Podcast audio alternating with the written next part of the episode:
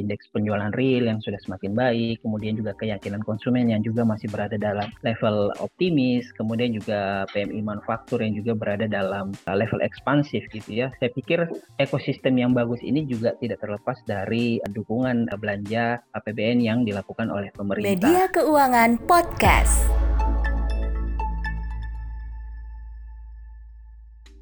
Di tengah ketidakpastian dinamika global, performa APBN pada semester 1 2022 cukup menggembirakan. Berbagai indikator perekonomian menunjukkan sinyal positif. APBN tetap prima sebagai penahan guncangan dari kenaikan harga energi dan pangan, sehingga daya beli masyarakat tetap terjaga, inflasi pun masih dalam kisaran target sasaran. Bagaimana proyeksi kinerja APBN di semester 2 2022? Lalu, Strategi apa yang perlu dilakukan untuk mempertahankan performa APBN 2022? Simak obrolan media keuangan dengan ekonom Kor Indonesia Yusuf Randy Manilet pada podcast berikut. Kalau menurut Bapak sendiri, gimana sih Pak kinerja APBN ini di semester 1 2022 ini? Ya, tentu kalau melihat dari kinerja APBN, kita perlu melihat dari dua sisi ya, dari sisi penerimaan dan dari sisi belanja. Kalau kita lihat dari sisi penerimaan, saya pikir seiring dengan peningkatan ataupun dibukanya ya aktivitas perekonomian, ini akhirnya berdampak positif terhadap kinerja penerimaan negara, baik itu pajak maupun juga non-pajak. Dan kalau kita lihat juga eh, penerimaan negara di terutama di semester 1 kemarin juga tidak terlepas mendapatkan semacam berkah gitu ya tanda kutip dari kenaikan harga komoditas yang terjadi di sepanjang semester 1. Makanya kalau kita melihat dari beberapa pos uh, penerimaan negara yang khususnya yang berkaitan dengan komoditas seperti misalnya PPh gas, kemudian juga pajak pertambangan, kemudian juga pajak uh, penerimaan negara bukan pajak terutama yang SDA dan juga non SDA itu pertumbuhannya cukup signifikan. Makanya menjadi terjelaskan ketika di semester 1 kemarin pertumbuhan penerimaan negara itu di kisaran 40-an persen ya, jauh melebihi kinerja pertumbuhan penerimaan negara di periode yang sama di tahun lalu. Nah, sementara dari belanja negara kalau kita lihat memang kinerja penerimaan belanja negara ini tidak terlepas dari periode normalisasi ya yang sebenarnya memang sudah disampaikan pemerintah sebelumnya bahwa dengan asumsi eh, tahun ini pemulihan ekonomi sudah jauh lebih baik dibandingkan 2021 makanya pemerintah melakukan beberapa penyesuaian di sana. Sehingga kalau kita melihat beberapa pos itu mengalami penyesuaian terutama dari sisi pertumbuhan kinerja. Namun saya pikir kalau kita bicara konteks mendorong ya pemulihan ekonomi di dari sisi belanja negara, saya kira belanja negara masih sangat uh, penting dalam mendorong kelanjutan dari proses pemulihan ekonomi. Terutama kalau kita lihat dari beberapa detail pos belanja negara seperti misalnya belanja subsidi, kemudian juga belanja perlindungan sosial yang memang cukup signifikan ya uh, peningkatannya akibat akibat dari intervensi kebijakan yang pemerintah lakukan untuk memastikan tren pemulihan ekonomi ini berlanjut tidaknya sampai dengan akhir tahun ini. Jadi kalau kita lihat dari sisi belanja negara memang ada normalisasi penyesuaian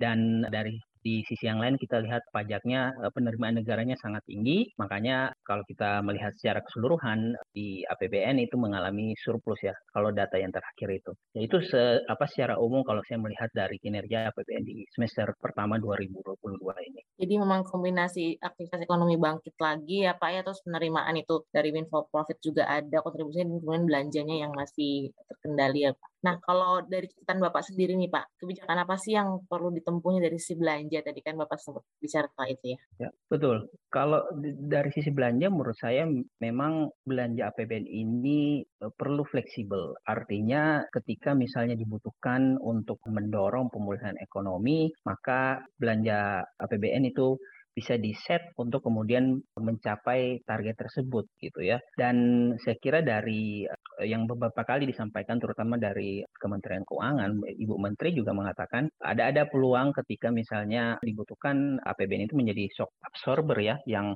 yang intinya mendorong ataupun menahan agar kondisi perekonomian itu tidak tertekan, apalagi ketika volatilitas atau dinamika perekonomian globalnya itu menjadi lebih buruk gitu. Dan menurut saya ini yang menjadi catatan penting, mengingat kalau kita lihat dari periode-periode sebelumnya, terutama mungkin di periode pandemi, belanja APBN ini sudah berhasil dalam membantu kinerja perekonomian ketika memang dibutuhkan gitu ya. Jadi misalnya belanja-belanja yang sifatnya penting, tadi saya singgung masalah subsidi, tetapi di luar itu ada juga belanja perlindungan sosial. Ini kan menjadi penting terutama karena berkaitan langsung dengan masyarakat. Jadi harapannya dengan fleksibelnya belanja terutama untuk belanja-belanja yang berkaitan dengan masyarakat, harapan uh, dorongan daya beli masyarakat untuk di sisa akhir tahun ini masih bisa terjaga. Saya lihat melihat seperti itu. Baik Pak, terima kasih. Nah, kalau dari sisi program yang belanja yang sudah dilakukan nih Pak, apakah sebenarnya sudah cukup ya Pak di semester satu ini? Karena ada untuk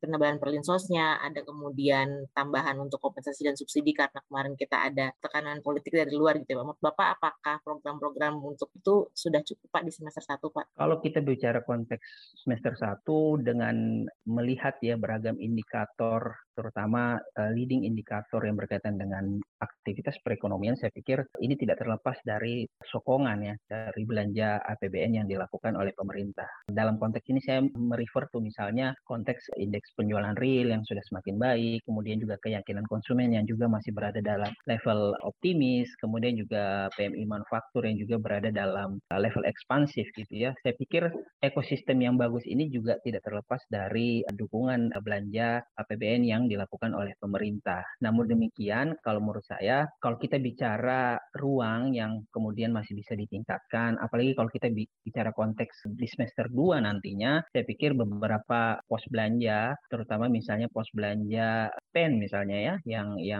kalau kita melihat kinerjanya memang realisasinya masih relatif lebih lambat, terutama di situ banyak konteks belanja yang sebenarnya penting untuk memastikan proses pemulihan ekonomi itu berjalan langsung, itu kemudian masih bisa ditingkatkan, terutama di semester kedua nantinya. Gitu. Di luar itu, saya pikir koordinasi dengan pemerintah daerah juga menjadi lagi-lagi menjadi uh, hal penting karena kita tahu bahwa uh, belanja pemerintah daerah ini kan mensupport proses pemulihan ekonomi di masing-masing daerah gitu. Artinya ketika transfer ke daerahnya sudah tumbuh tetapi dari sisi pemerintah daerahnya misalnya tidak me, apa realisasikan belanja daerahnya ini kan yang menjadi PR tersendiri gitu. Makanya sekali lagi kerjasama antara pusat dan daerah menjadi juga penting, terutama dalam konteks realisasi belanja di semester kedua nantinya. Baik, Bapak. Terima kasih. Nah, memang tadi itu juga salah satu yang jadi ini ya, Pak ya. Eh, belanja pemerintah daerah ini masih agak kurang terakselerasi gitu lah bahasanya ya. ya. Kalau Nah, kalau menurut Bapak sendiri nih Pak, uh, untuk kemudian bisa mendorong ya, mungkin masukan bagi pemerintah gitu, selain sinergi dengan Pemda, apa sih Pemda lakukan? Apakah pakai sistem reward and punishment atau seperti apa kira-kira Pak yang baiknya gitu? Sebenarnya kalau melihat dari sistem yang ada saat ini kan pemerintah pusat khususnya ya, itu sudah menjalankan setahu saya sistem reward and punishment. Artinya daerah yang kemudian terlambat misalnya menyampaikan kriteria-kriteria yang harus dipenuhi itu nantinya transfer dari pusatnya juga ditahan gitu ya. Saya pikir ini bagian dari sistem reward and punishment yang dilakukan oleh pemerintah gitu. Nah, di luar itu saya kira inisiasi kalau menurut saya dari pemerintah daerah untuk misalnya kemudian bahasa sederhananya mungkin ini ya eh, membuka diskusi terutama dengan level pemerintah pusat dan juga di level daerah untuk ini mendiskusikan masalah-masalah problem mereka itu di mana untuk kemudian untuk merealisasikan satu pos belanja itu di di mana saja kemudian uh, solusinya seperti apa. Karena uh, dugaan saya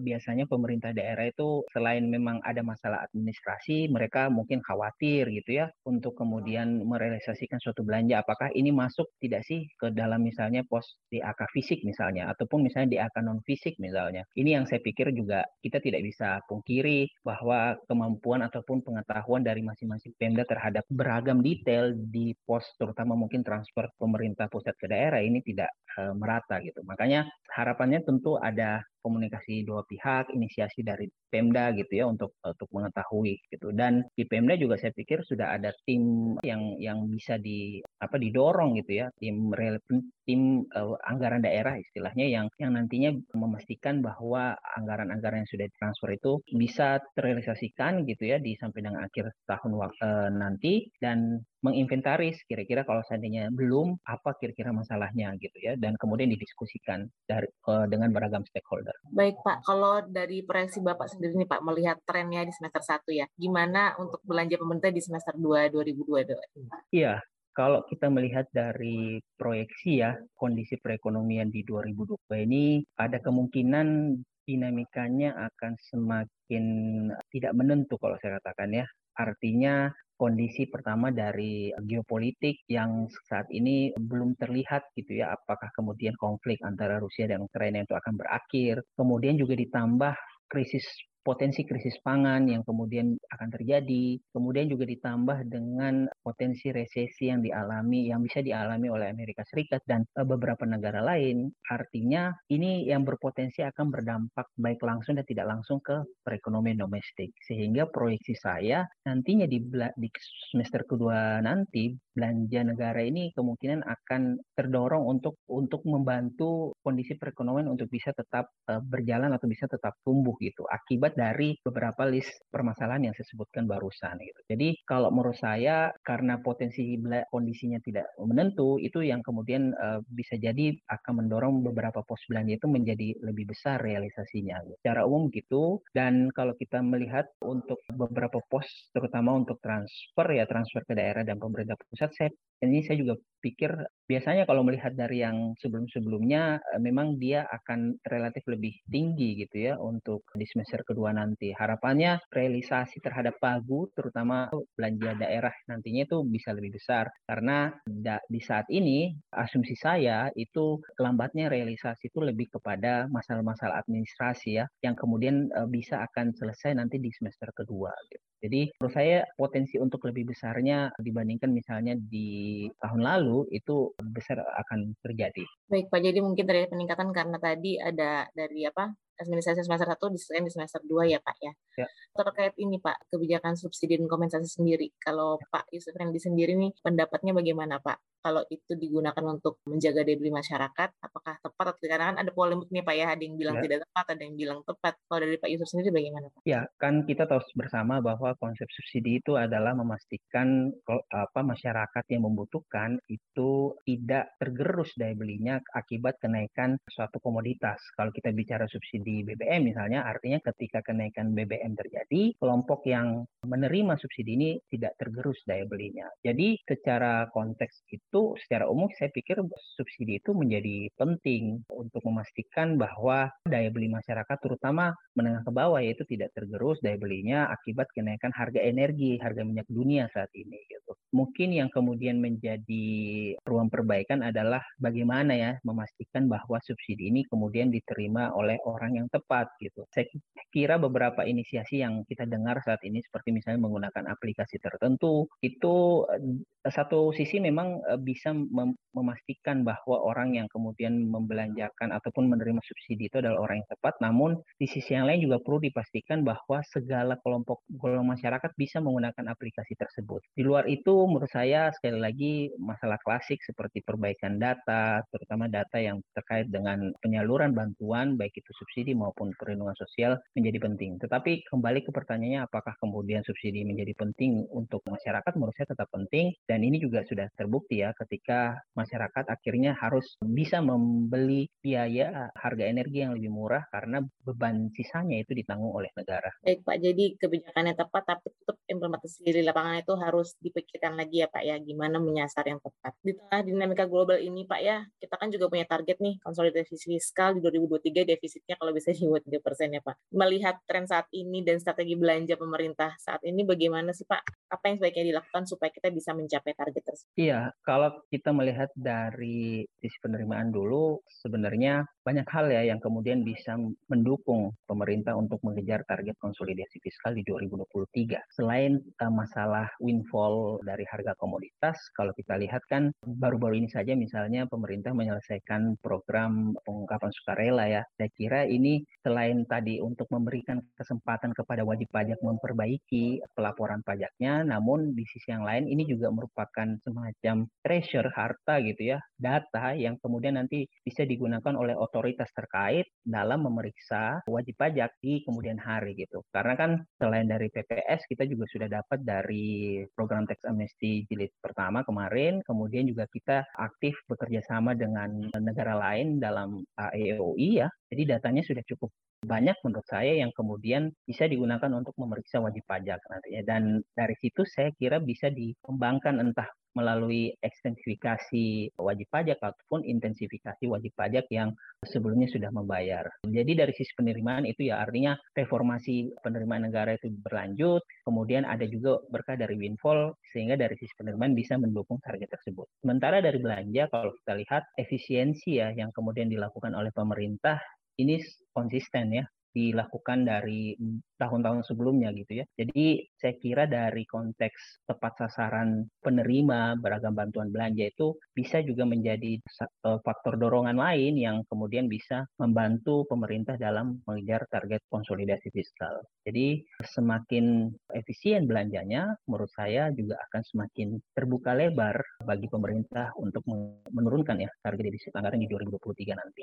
Pak Yusuf mau nanya dengan situasi pandemi mau maupun tekanan geopolitik yang saat ini masih terjadi nih Pak, seandainya nih Pak ternyata harga komoditas makin menekan dalam negeri untuk belanja-belanja komoditas tersebut, menurut Pak Yusuf langkah apa yang sebaiknya pemerintah lakukan agar APBN tetap terjaga maupun target konsolidasi fiskal tahun ini maupun tahun depan dapat terjaga Pak? Iya, jadi kalau menurut saya memang karena APBN itu politik anggaran, artinya karena politik tentu perlu ada pilihan-pilihan ya yang kemudian bisa digunakan oleh pemerintah. Kalau kita bicara misalnya asumsinya harga komoditas tertekan misalnya karena potensi resisinya membesar. Potensi resisi membesar, permintaan terhadap komoditas kemudian mengecil. Oleh karena itu, ketika misalnya itu terjadi dan di saat yang bersamaan pemerintah ingin masih mengejar target konsolidasi fiskal, maka politik anggaran e, melakukan pemilihan pos-pos belanja yang kemudian sangat prioritas dan less priority itu per, perlu untuk dilakukan gitu ya. Artinya kemudian tidak semua belanja bisa di, dieksekusi di tahun ini ya. Pos-pos belanja yang e, di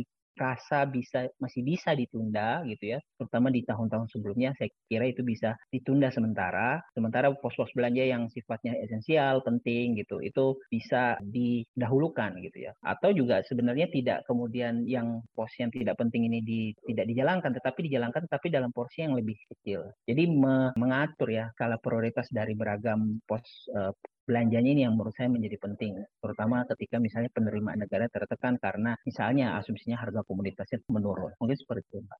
Baik, Pak. Terima kasih. Oh ya, tadi saya sempat kepikir saat sih, Pak. Ini kan kita kondisinya sekarang saat ini pandemi terkendali ya, Pak ya. Di beberapa negara ada terjadi lonjakan gitu ya. Kalau misalnya ada lonjakan lagi gitu ya, Pak. Nah, kira-kira Pak, kalau itu ya terjadi misalnya antisipasinya seperti apa gitu, Pak? Iya, untungnya ya, tanda kutip juga ini untungnya. Kita pernah mengalami kondisi serupa di tahun lalu di Juli ya ketika sebelum gelombang Delta itu menyerang kita lihat tren COVID-nya sebenarnya sudah relatif baik. Kemudian bulan Mei mulai meningkat, Juni meningkat, kemudian puncaknya di bulan Juli. Pengalaman inilah sebenarnya yang tanda kutip menguntungkan kita sebagai negara untuk kemudian nantinya bisa mengambil lesson learned dari situ. Saya kira dari situ banyak hal ya, terutama kalau kita kaitkan dalam konteks fiskal, bagaimana kemudian misalnya tadi mengatur skala prioritas, belanja-belanja mana saja yang kemudian harus didahulukan, itu sebenarnya dari pengalaman di tahun lalu itu sudah sangat terlihat gitu ya. Kemudian data yang digunakan gitu ya, pos belanja yang penting dan terukur untuk misalnya menjaga daya beli masyarakat itu sebenarnya sudah terlihat dari penyaluran bantuan di tahun lalu. Jadi kalau menurut saya memang dari situ kita bisa belajar dan dari situ pula nanti pemerintah mengambil stand kebijakannya itu apakah kemudian masih bisa misalnya untuk diutak-atik belanjanya atau misalnya terjadi penyesuaian lagi gitu. Misalnya mengundur misalnya target konsolidasi fiskal. Meskipun kita harus akui juga bahwa untuk mengundur target konsolidasi fiskal itu menjadi tidak mudah karena itu itu adalah keputusan politik ya harus didiskusikan ulang karena ini kan kita mengikuti undang-undangnya. Makanya apa tantangannya di situ? Tetapi kalau kita uh, bicara uh, pengalaman menurut saya kita sudah punya pengalaman yang bisa digunakan sebagai uh, stand kebijakan yang nantinya bisa berguna ketika misalnya kasusnya kemudian melonjak lagi. Media Keuangan Podcast